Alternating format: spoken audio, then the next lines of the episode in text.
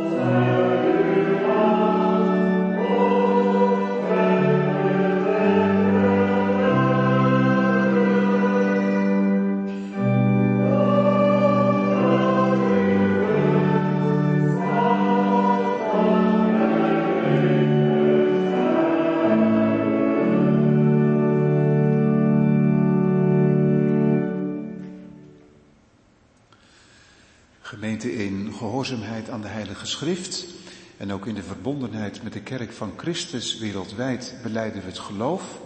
En vanmiddag doen we dat met de geloofsbeleidenis van Nicea. Daarna Psalm 29, vers 1 en 6.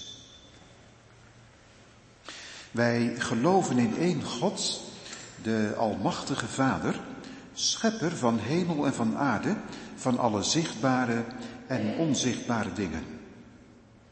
En in één Heer Jezus Christus, de enige geboren Zoon van God, geboren uit de Vader voor alle eeuwen. God uit God, licht uit licht.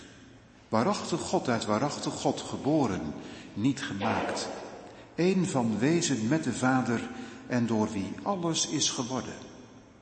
Die om ons mensen en om onze zaligheid is neergedaald vanuit de hemel en vlees is geworden door de Heilige Geest uit de Maagd Maria en is mens geworden. Die ook voor ons is gekruisigd onder Pontius Pilatus, geleden heeft en begraven is. Op de derde dag is opgestaan naar de schriften, opgevaren naar de hemel en zit aan de rechterhand van de Vader. En zal wederkomen om te oordelen de levenden en de doden. En aan zijn rijk zal geen einde komen. En in de Heilige Geest, die Heere is en levend maakt, die van de Vader en de Zoon uitgaat, die samen met de Vader en de Zoon aanbeden en verheerlijkt wordt, die gesproken heeft door de profeten. En één heilige, algemene en apostolische kerk, wij beleiden één doop tot vergeving van de zonden. Wij verwachten de opstanding van de doden en het leven der toekomende eeuw. Amen.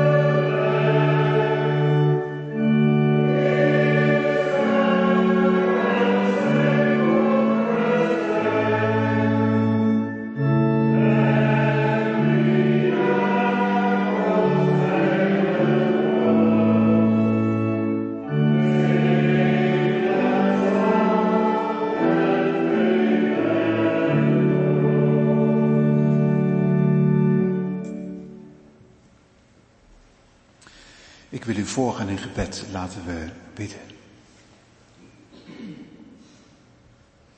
Heere onze God, Vader van onze Heer Jezus Christus, u zag ons al komen van verschillende kanten, opnieuw, alweer, nu vanmiddag hier in de bron.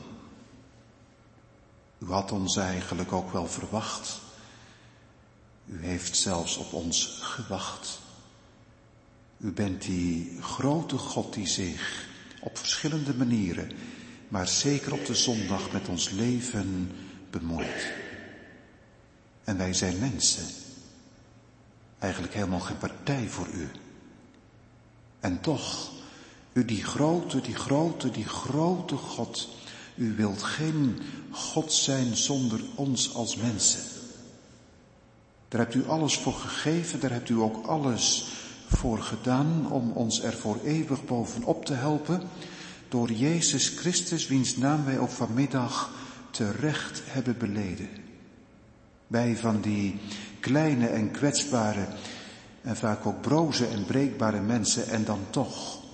U zei het al tegen uw volk, zoek mijn aangezicht en, en zoek mijn aangezicht niet te vergeefs. U weet al wat we gaan vragen en zeggen en verlangen en u wilt het toch van ons horen. En als we er geen woorden voor hebben en alleen maar wat kunnen zuchten, dan bent u die God die dat allemaal kunt vertalen. U bent met al onze wegen vertrouwd. En geef, o God, dat dat ons geen schrik bezorgt, maar dat dat juist in het laatst van de dagen voor ons is tot grote troost. En dat we tot het besef worden gebracht, eens en weer opnieuw, dat wij mensen zijn van onderweg, zoals uw volk ook jaar en dag onderweg is geweest, vanuit Egypte, door de woestijn, naar het beloofde land. Met hoop en hulp bij u vandaan verzeld, als we denken aan die vuur en die wolkolom. En de tekenen dat u ons niet hebt verlaten, die zijn ook vanmiddag aanwezig. Als we denken aan de Bijbel die we hebben meegenomen en de Bijbel die hier ligt in de bron. Als we denken aan de sacramenten van doop en avondmaal. U gunt het ons en u geeft het ons. En wij bidden voor met elkaar om het licht en de leiding van uw Heilige Geest. Zodat we die oude woorden die voor ons geopend liggen, dat die oude woorden hun geheime prijs geven op zo'n manier dat we in die woorden uw stem vernemen, vermanend, vertroostend, onderrichtend, opscherpend, dat we ook voor uw aangezicht worden geplaatst. Maar laat ons dan niet met onszelf alleen. Zie ons aan in Christus, uw geliefde Zoon. Hier zo bidden wij om een zegen. En dan bedoelen we toch, geef ons kracht bij u vandaan. Dat ons leven niet onvruchtbaar blijft, maar vrucht oplevert voor u op zo'n manier dat onze naaste daar ook van kan profiteren.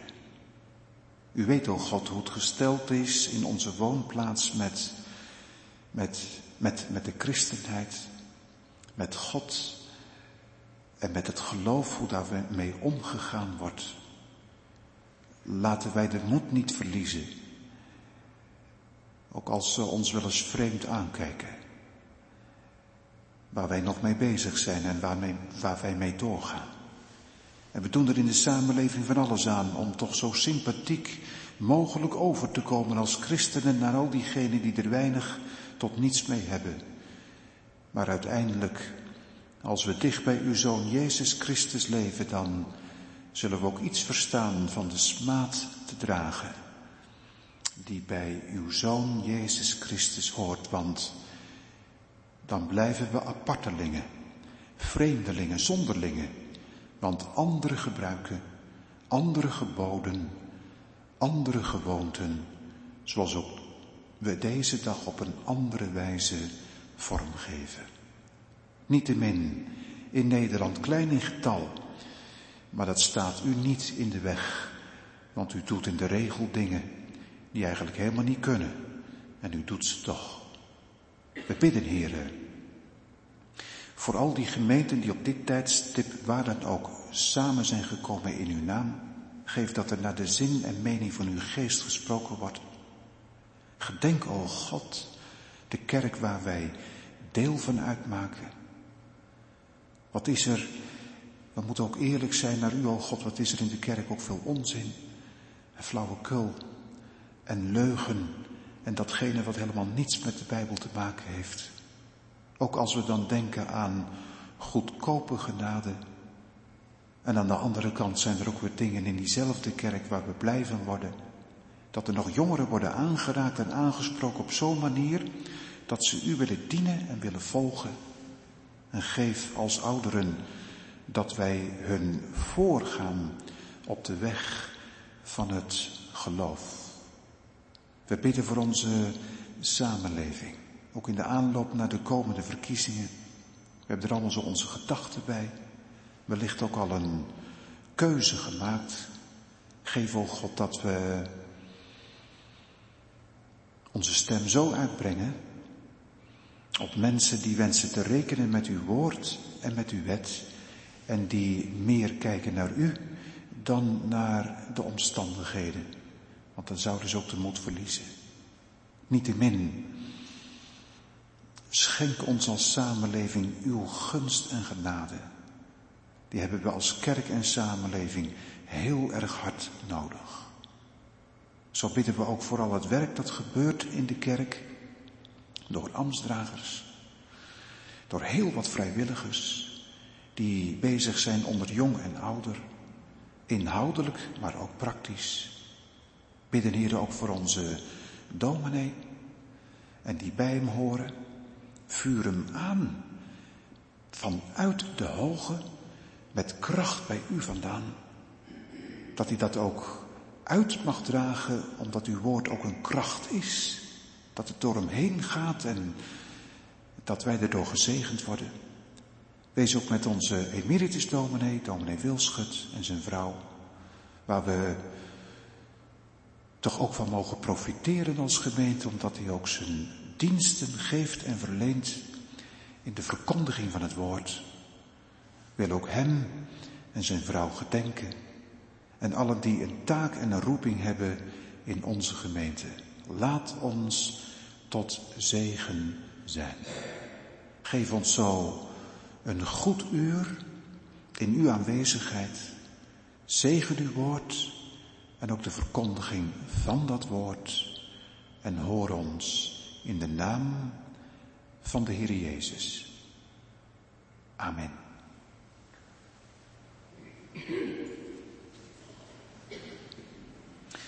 Nu gaan we met elkaar uit de Bijbel lezen en u vindt de lezing dus in Openbaring 10. En de tekst, de schriftlezing is tegelijkertijd ook de tekstlezing. En ter introductie wil ik eerst een paar dingen tegen u zeggen. Openbaring 10 is eigenlijk net als openbaring 7 een soort adempauze, een intermezzo, een onderbreking, een tussenbalans op zo'n manier dat de hemel direct en duidelijk van zich laat horen en dat we weer merken wie het uiteindelijk allemaal voor het zeggen heeft. Je mag ook zeggen, met openbaring 10 sta je ook op een keerpunt in het laatste Bijbelboek. En daar bedoel ik dit mee. In hoofdstuk 6, 8 en 9, dan lees je over de gerichten van God die over de wereld gaan, die de schepping raken, die schepsels raken. En dan na hoofdstuk 10 en 11, dan wordt er een andere toon aangeslagen. Dan ga je veel meer lezen over de strijd van Gods volk met de wereld. En dat daarin de Satan een hele grote rol speelt. Dat lees je vanaf hoofdstuk 12 en zo door. Maar overkoepelend blijft recht overeind staan het thema wat je zou kunnen schrijven boven dit laatste Bijbelboek. Jezus overwint en Jezus komt. Laten we het eerst rustig lezen. En ik zag een andere sterke engel uit de hemel afdalen. Hij was bekleed met een wolk. En boven zijn hoofd was een regenboog. Zijn gezicht was als de zon en zijn voeten waren als zuilen van vuur. En hij had in zijn hand een boekje dat geopend was. En hij zette zijn rechtervoet op de zee en zijn linker op de aarde. En hij riep met een luide stem, zoals een leeuw brult. En toen hij geroepen had, lieten de zeven donderslagen hun stemmen horen. En toen de zeven donderslagen hun stemmen hadden laten horen, stond ik op het punt ze op te schrijven. Maar ik hoorde een stem vanuit de hemel tegen mij zeggen, verzegel wat die zeven donderslagen gesproken hebben en schrijf dat niet op. Dus wat die zeven donderslagen zijn geweest, dat weet alleen de waarachtige. En dat heeft alleen Johannes gehoord. Maar hij heeft het niet mogen opschrijven. Dus daar kan ik straks in de preek ook helemaal niks van zeggen. En dan lezen we verder bij vijf. En de engel die ik op de zee en op de aarde zag staan, hief zijn hand op naar de hemel. En hij zwoer bij hem die leeft in alle eeuwigheid, die de hemel heeft geschapen met wat, daar wat daarin is, de aarde met wat daarop is en de zee met wat daarin is, dat er geen tijd meer zou zijn. Maar in die dagen van de stem van de zevende engel, wanneer die op de bezuin zal blazen, zal ook het geheimenis van God volbracht worden, zoals hij aan zijn dienstknechten de profeten verkondigd heeft. En de stem die ik uit de hemel gehoord had, sprak opnieuw met mij en zei, ga, neem het boekje dat geopend ligt in de hand van de engel die op de zee en op de aarde staat. En ik ging naar die engel toe en zei tegen hem, geef mij dat boekje. En hij zei tegen mij, neem het en eet het op.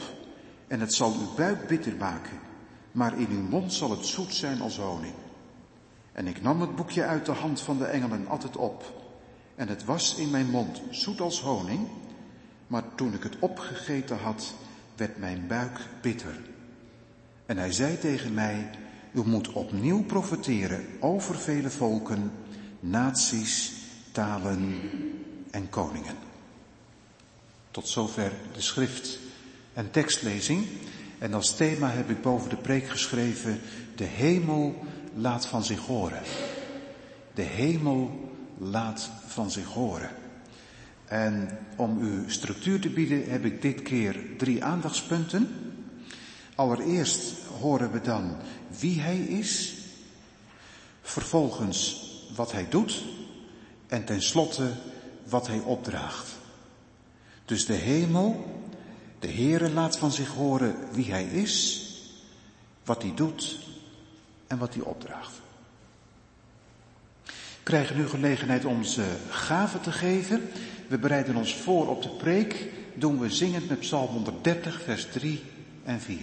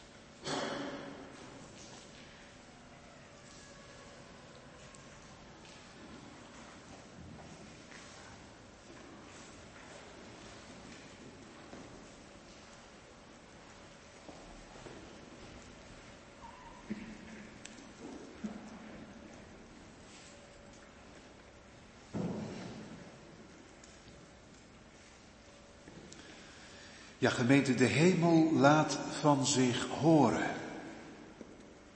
Gelukkig.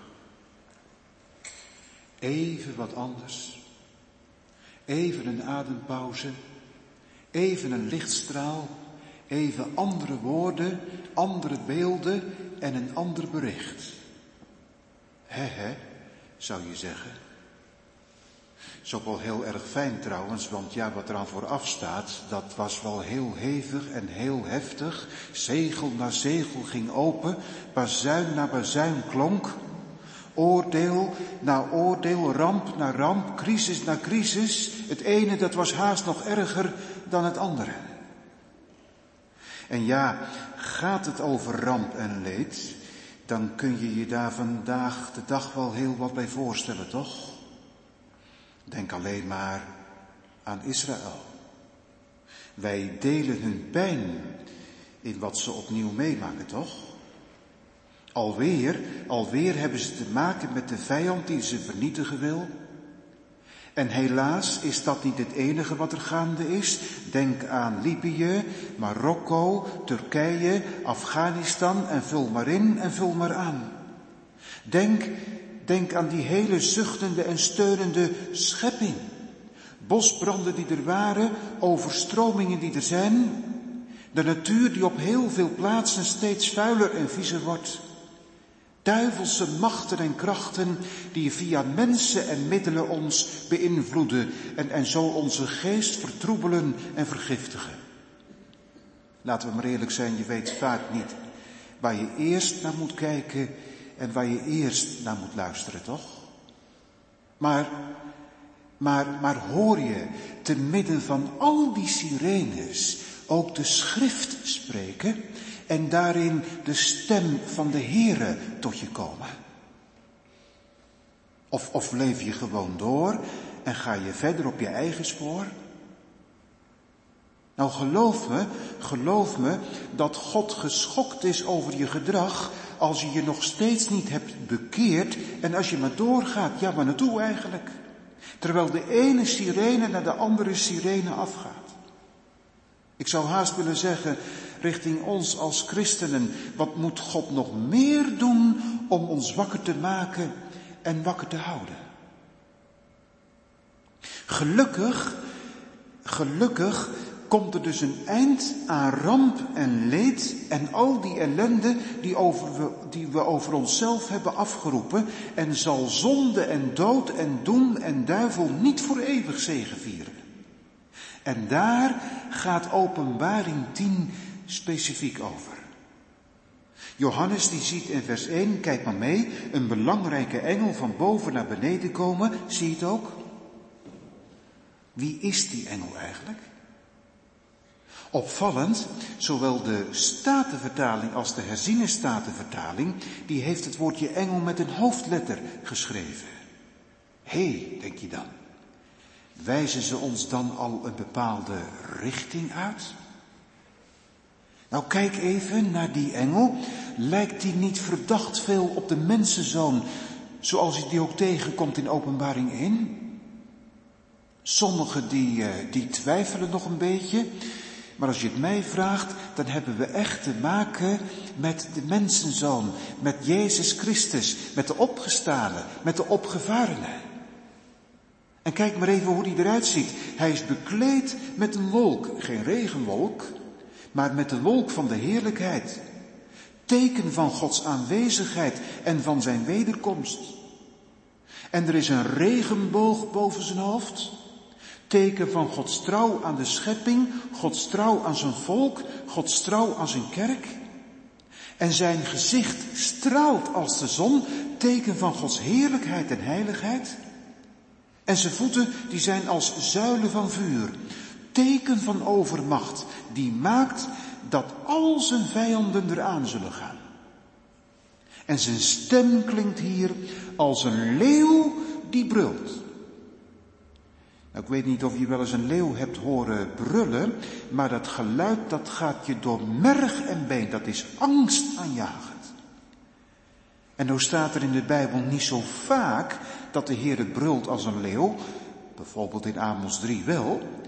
En als die dan brult, dan betekent dat altijd dat hij gaat toornen over zijn vijanden. En die kunnen dan maar beter op de loop gaan, want Gods toorn, dat overleef je niet.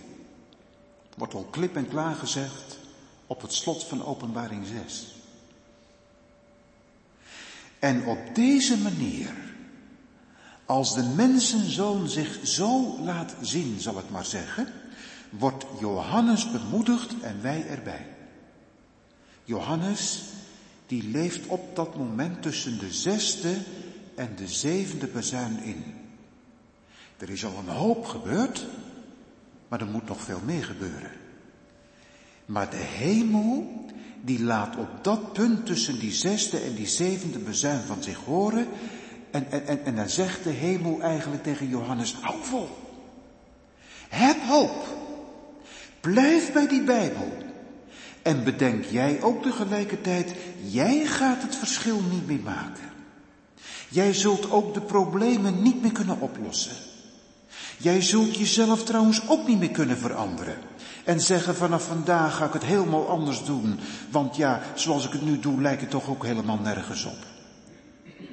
Nee, onze voornemens, die zullen niet zoveel meer veranderen. Omdat Jezus Christus de grote verandering al gegeven en gegarandeerd heeft op Golgotha. Wat dan? De nieuwe hemel en de nieuwe aarde, die jongste dag, die gaat komen. Daar heeft hij zijn leven en zijn bloed voor gegeven. Wie hij is. Vervolgens, wat doet hij dan? Nou, dat staat omschreven in vers 2 en 5. Zie je dat? Dan, zegt hij, dan zet hij zijn rechtervoet op de zee en zijn linkervoet op de aarde. Zie je dan, zie je dan dat hij wijdbeens staat? Zie je dat zijn voeten staan op de zee en tegelijkertijd ook op de aarde? En zie je dan ook dat zee en aarde onder zijn voeten liggen? Dat betekent, het is allemaal van hem. En niet van de Satan. En de dag komt dat de Satan alles zal moeten teruggeven wat hij heeft geroofd. Aan de Heere God. Want het is het eigendom van de eeuwige. En dat zie je met dit indrukwekkende beeld uitgetekend. En vervolgens zie je dan dat hij zijn hand opheft naar de hemel en dat hij zweert, de versen 5 en 6. En als die zweert, dus een eed aflegt, dan moet dat wel van grote betekenis zijn. Want als hij gewoon al iets zegt, dan is dat al van grote goddelijke betekenis. Maar als hij er hier ook nog een keer een eed bij doet, dan moet je extra opletten. Hij legt, zie dat, een eed af voor God, zijn vader dus. En hij zegt dat die nieuwe hemel en die nieuwe aarde komen gaat. Dat die jongste dag in aantocht is. En dan verwijst hij ons in die versen 5 en 6 eigenlijk al even verder naar die zevende engel die nog moet gaan blazen en ook naar al die luide stemmen die zullen klinken in de hemel en die zullen zeggen, zoals het staat in hoofdstuk 11 vers 15, de koninkrijken van deze wereld zijn van onze Here en van zijn Christus geworden. En hij zal koning zijn in alle eeuwigheid. En met het oog daarop zegt hij in het slot van vers 6 dat er geen tijd meer zijn zal. Betekent dat? Nou, om te beginnen, er zullen geen uren, dagen, weken, maanden en jaren meer zijn. Je zou kunnen zeggen, er zal geen klok meer zijn. Kunnen we ons helemaal niks bij voorstellen. Want wij leven op de klok. En daar hoef je ook geen schuldgevoel over te krijgen. Want met eerbied gesproken heeft God in de morgen van de schepping ons ook die klok gegeven. Zodat we zouden weten hoe laat is het en welke dag en welke week en welke maand en welke jaar en welke eeuw. Maar we worden erbij bepaald vanmiddag dat de zaligmaker zegt, tijd en de tijden met alles wat erin gebeurt, dat gaat voorbij. En de klok die gaat een keer stilstaan. En dan beleven wij met elkaar het eeuwige heden. Wij zeggen wel eens gekscherend, het lijkt wel een eeuwigheid te, duren. En dan willen we mee aangeven dat iets in onze beleving ontzaglijk lang duurt. Maar eigenlijk, je weet niet wat je zegt. Als de eeuwigheid aanbreekt, is het altijd heden. Is het altijd nu. Is er geen avond meer? Is er geen morgen meer? Is het altijd nu? Kun je helemaal niet voorstellen. Maar dan toch. De zaligmaker die zegt het nee, die zweert het je. Met andere woorden, laat dat je hoop en hou vastgeven. Dat gaat gebeuren. Laat je daardoor overtuigen. En dan nog een betekenis. Dat er geen tijd meer zal zijn, dat betekent ook dat er een einde komt aan de genadetijd waarin je nu leeft. Zeggen wel eens, de tijd gaat snel, gebruik hem wel. Nou, dat geldt toch zeker van de genadetijd die God ons gunt en geeft. Wij zijn met elkaar al een heel eindje in het leven gevorderd. Je bent jong geweest en je had plannen en je had idealen. Helemaal niks mis mee. Misschien zijn ze uitgekomen, misschien zijn ze ook niet uitgekomen. Maar als je terugkijkt, dan denk je, oh, het is allemaal wel heel snel gegaan, hè? Maar ja, wat heb je met die genadetijd gedaan? Zal ik het invullen? Die genadetijd, waar een dikke streep onder gezet werd in het uur van je doop, heeft die doop je intussen ook geduwd en gedrongen en gedreven naar de kribbe en naar het kruis waar je mocht zien waar je zonden zijn gebleven. Dat ze terecht zijn gekomen onder het bloed van Christus op zo'n manier dat je geloven mag, geeft God er ook nog bij. Dat wat onder het bloed van Christus ligt, dat Vader daar nooit meer op terug zal komen. Dat dat je opnieuw hoop en hou vast geeft. Om, om dat daar te ontdekken, om dan straks eenmaal te staan voor zijn rechterstoel, zonder schrik en zonder vrees. En als het toch niet het geval is, heden, zo je de stem van de Heere hoort, verhard je niet, maar laat je leiden naar Hem. Nog een betekenis, dat er een einde komt aan de tijd, dat betekent ook dat er een einde komt, heb ik begrepen, aan alle vervolging en verdrukking. Wat moet dat Israël en de kerk hoop en houvast geven? Israël om te beginnen, die opnieuw weer wordt verdrukt en vervolgd op zo'n manier dat ze, dat ze opnieuw met vernietiging wordt bedreigd. Zitten ze middenin. Dat je zou kunnen zeggen, de geest van Amalek die heeft zich weer gemanifesteerd op die 7e oktober. Niet te zuinig, dat je eigenlijk niet weet waar je kijken moest en kijken moet. Maar niet alleen Israël, ook de kerk die te maken heeft met verdrukking en vervolging, dat broeders en zusters ver bij ons vandaan zeggen wij in onze kontrijen hebben te maken met de gifslang. Wij zien hem direct aankomen. Want onze kerkgebouwen, kerkgebouwen worden platgebrand en onze huizen worden met de grond gelijk gemaakt. Maar wij hier in het Westen, zoals onlangs iemand zei, wij hebben zeg maar te maken met de wurgslang die heel subtiel zich kronkelt rondom ons als christenen. Het gaat steeds verder, het gaat steeds hoger om ons heen. Als wij Jezus Christus beleiden en als ik hem vanmiddag preek is er nog niks aan de hand. Maar als ik het ga opnemen frank en vrij voor het Bijbelse huwelijk en het Bijbelse gezin, En als ik gezegd dat wij geschapen zijn, mannelijk en vrouwelijk, dan kan ik zomaar behoorlijk in de problemen komen. U ook trouwens. Dat is die wurgslang. Maar aan die verdrukking en aan die vervolging gaat een einde komen, zweert de zaligmaker. En dan ten, ten, slotte, het einde der tijden betekent ook dat er een einde komt aan alles wat wij ervan maken. Of beter gezegd, wat we er niet van maken in de grote wereld en in ons kleine wereldje. Er komt een einde aan. En voor de vierde keer dat zweert je zaligmaker. En dan? Dan zal het zijne er zijn. En dat zijne, dat mag er wezen. Dat is namelijk vers 7 Gods geheimenis. Dat zal worden volbracht. Wanneer dan? Nou, als die zevende bezuin zal hebben geblazen. Goeie vraag is natuurlijk, over welk geheimenis gaat het dan?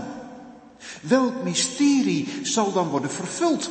Welk geheim zal dan worden volbracht? Nou, mysterium, dat heb ik begrepen in het Nieuwe Testament, dat is altijd toch het mysterie van Jezus Christus. Dat God in hem gekomen is en dat hij ons genade heeft gegeven. Dat Jezus Christus een verzoening is voor al onze zonden.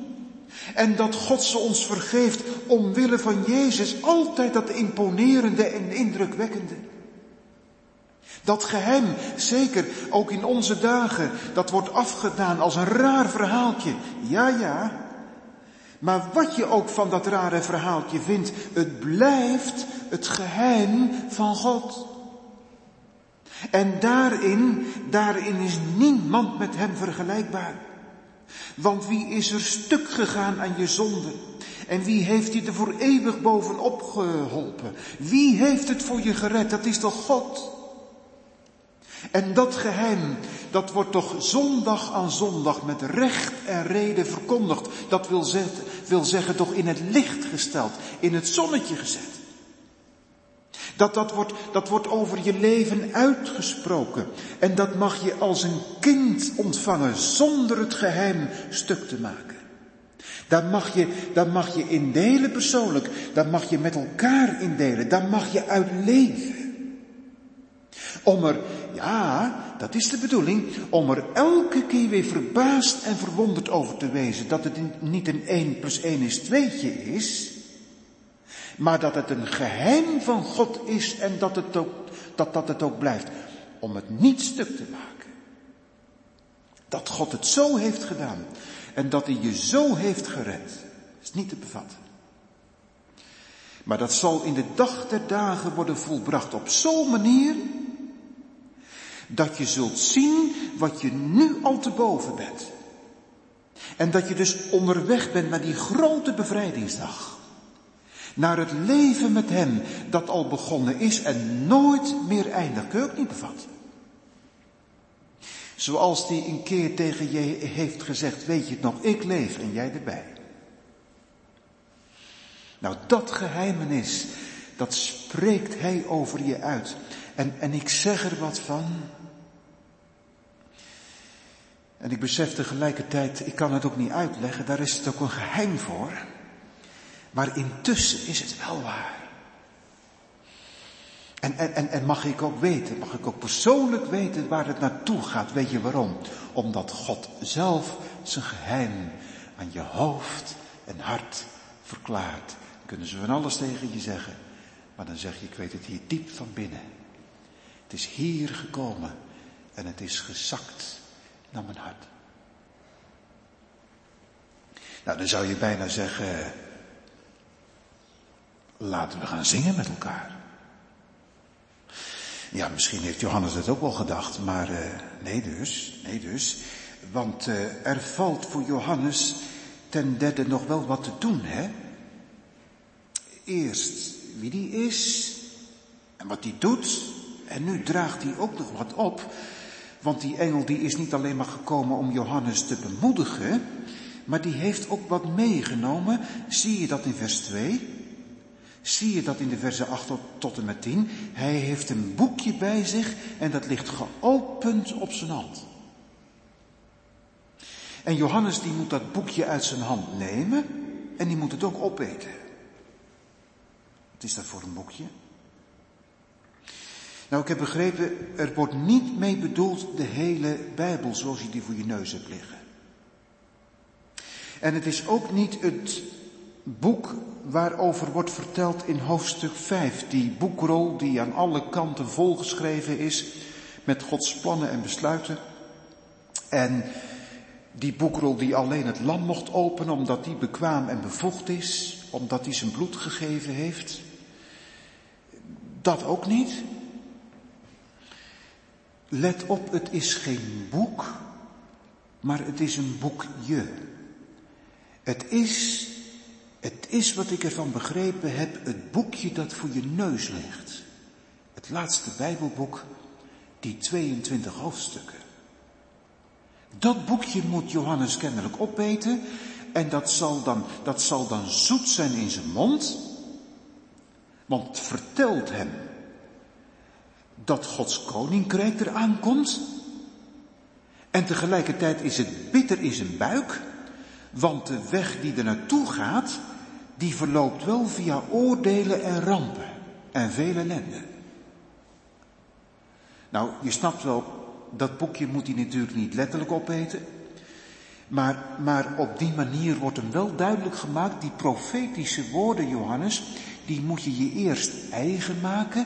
Daar moet je zeg maar ja, lijfelijk één mee worden. Wij zeggen vandaag, die moeten door jezelf heen trekken. En dan moet je ze ook doorgeven. Ja, zeg je, maar zeg je, dat is toch wel een heel apart uh, gebeuren. Dat boekje, dat is dus zoet in zijn mond en bitter in zijn buik. Wat betekent dat? Verandert dat boekje dan onderweg van karakter of zo? Bestaat dat boekje uit verschillende bestanddelen, zoete en uh, bittere dingen? Smaakt dat boekje aan de ene kant zoet en aan de andere kant bitter? Nee, goed lezen, het hele boekje is zoet in zijn mond. Want wat de Heere in petto heeft, dat is goed voor een ieder die hem lief heeft. Daar knap je niet op af, daar knap je juist van op. Maar bitter zijn de oordelen en de rampen die de weg daar naartoe banen. Dus eigentijds gezegd is het enerzijds smullen en anderzijds is het zware kost. Nou, die blijde boodschap, die komt dus eerst terecht in de mond van Johannes. Dat zal hem voeden, dat zal hem verkwikken, dat zal hem verrijken. En daarna moet hij die profetische woorden, zoals hij ze ontvangen heeft, doorgeven. Maar over wie hij ze moet uitspreken, die hebben het ergste te vrezen. Want zie je dat aan vanzelf? Dat was mij nooit opgevallen. Maar ik lees maar wat er staat. Hij moet niet spreken tot, maar ze uitspreken over vele volken, naties, talen en koningen. Dus met andere woorden, zo zit het en zo is het. Punt uit. Ik heb het zelf uit Gods mond gehoord en ik geef door wat ik heb gehoord. Geen discussie, geen dit, geen dat. Zo. Dat heeft Johannes gedaan in zijn dagen. Hij heeft het geschreven, hij heeft het doorgegeven.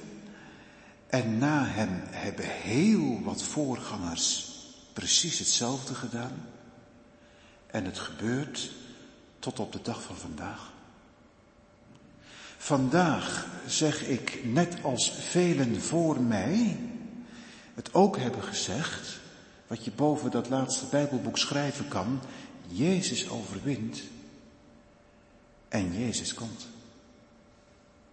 En die Jezus, dat was niet zomaar iemand. Jezus is de Zoon van God. En Johannes, die heeft van die Zoon van die zoon gezegd, wie in de zoon gelooft, en neem dat maar heel letterlijk, wie in de zoon gelooft, die heeft het eeuwige leven. Maar wie de zoon ongehoorzaam is, Gods toorn blijft op hem. Dus met andere woorden, als het gaat over die profetische woorden die je natuurlijk ook mag uitbreiden, als het gaat om de kern en de clue, dan is het heel direct en heel duidelijk, dan, gebruikt, dan gebruikt de Heer nooit zo heel veel woorden. En dan is het van twee in één, je laat het je zeggen of niet. Je vertrouwt je eraan toe of niet. Je verwerpt ze of je valt ervoor.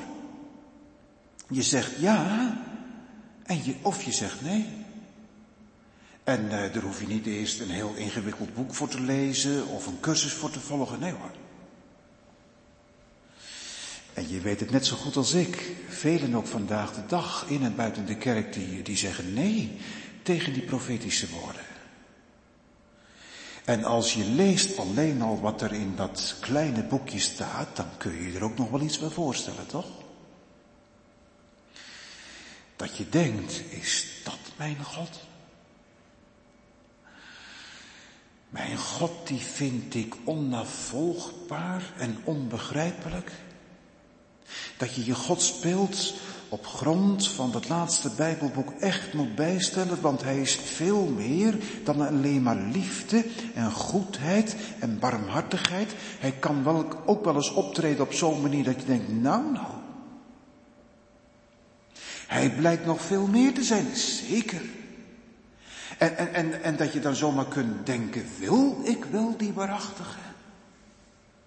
Nou, laten we maar eerlijk zijn, van huis uit. We hebben, wij hebben er geen hart voor en we hebben er ook geen hoofd voor. En dan doe ik er nog een, eh, een schepje bovenop. Als je leeft van Gods liefde en genade, en wees maar eerlijk, dan moet je elke keer weer een bepaald verzet overwinnen.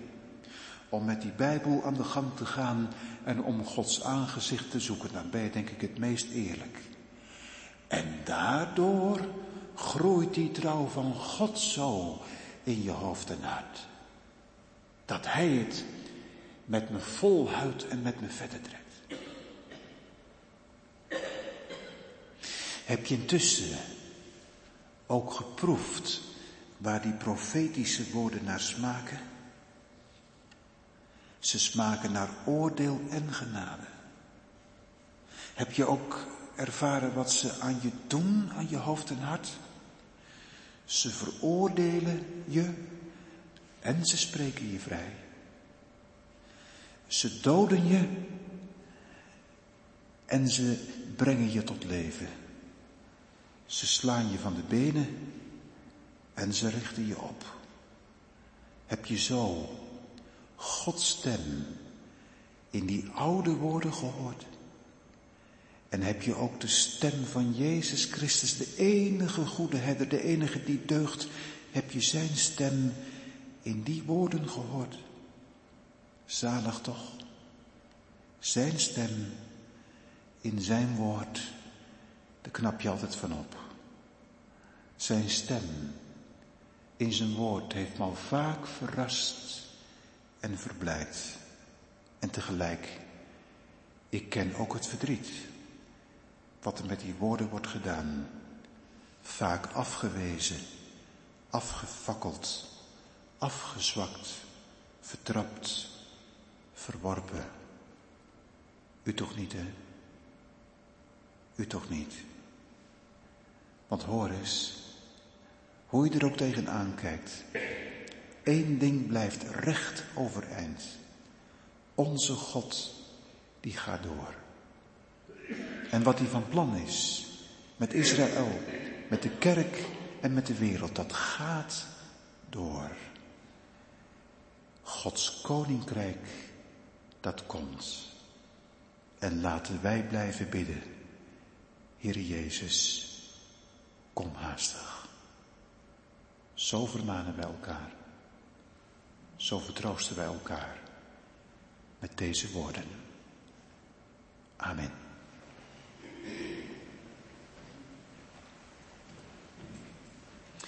Ga met elkaar zingen als antwoord op de prediking van Psalm 97, daarvan het eerste en zesde vers. God heerst als opperheer, dat elk hem juichend eer. Gij aarde, zee en eiland, verheugt u in uw heiland. En daarna ook het zesde vers van Psalm 97.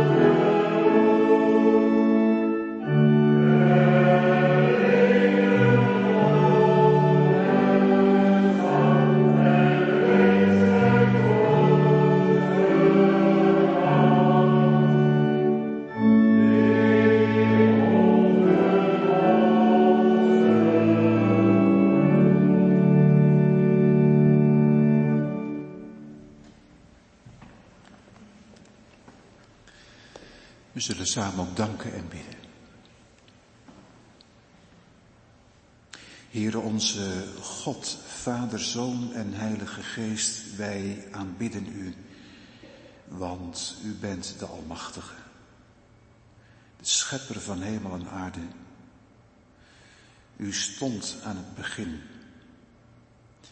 U zult er ook zijn bij de voltooiing van deze wereld als u terugkomt om recht te spreken, om alles ook recht te zetten, recht te doen aan slachtoffers en aan daders, ja, aan ieder mens.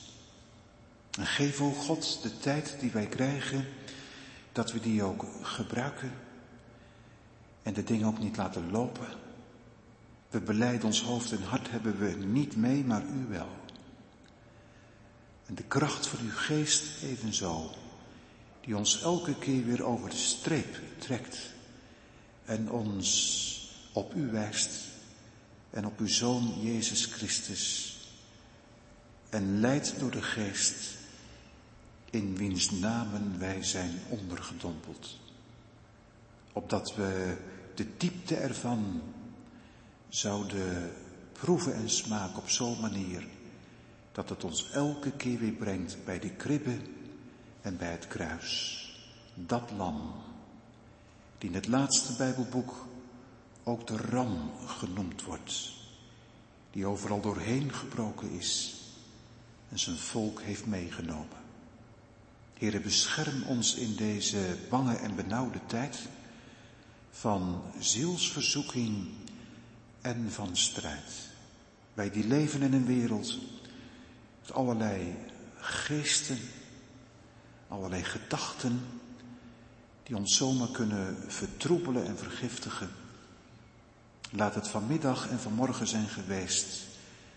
De zuivere lucht van de Heilige Geest en van het zuivere woord wat we hebben mogen inademen en indrinken. We bidden, ook voor de nieuwe week die begonnen is, dat u ons helpt bij al datgene wat op ons ligt te wachten. In de regel dan gaan we ook verder waar we gebleven zijn. Laat ons niet met onszelf alleen, lichamelijk niet, geestelijk niet, als gemeente niet. Wijs ons de weg en geef dat we het goede doen en het kwade ook nalaten. Wij bidden, laat uw koninkrijk naar uw belofte komen. Laat niemand van ons daar ontbreken. Denk aan allen die wij kennen, onze dierbaren, ook die mensen die we vandaag hebben gezien, hebben gesproken, waar en hoe dan ook. Maar laat niemand ons er daar ontbreken. En wij bidden, kom Heer Jezus. Ja, kom haastig. Amen. Tot slot zingen wij van Psalm 98, gemeente, het vierde vers. Ja, Psalm 98, het vierde vers.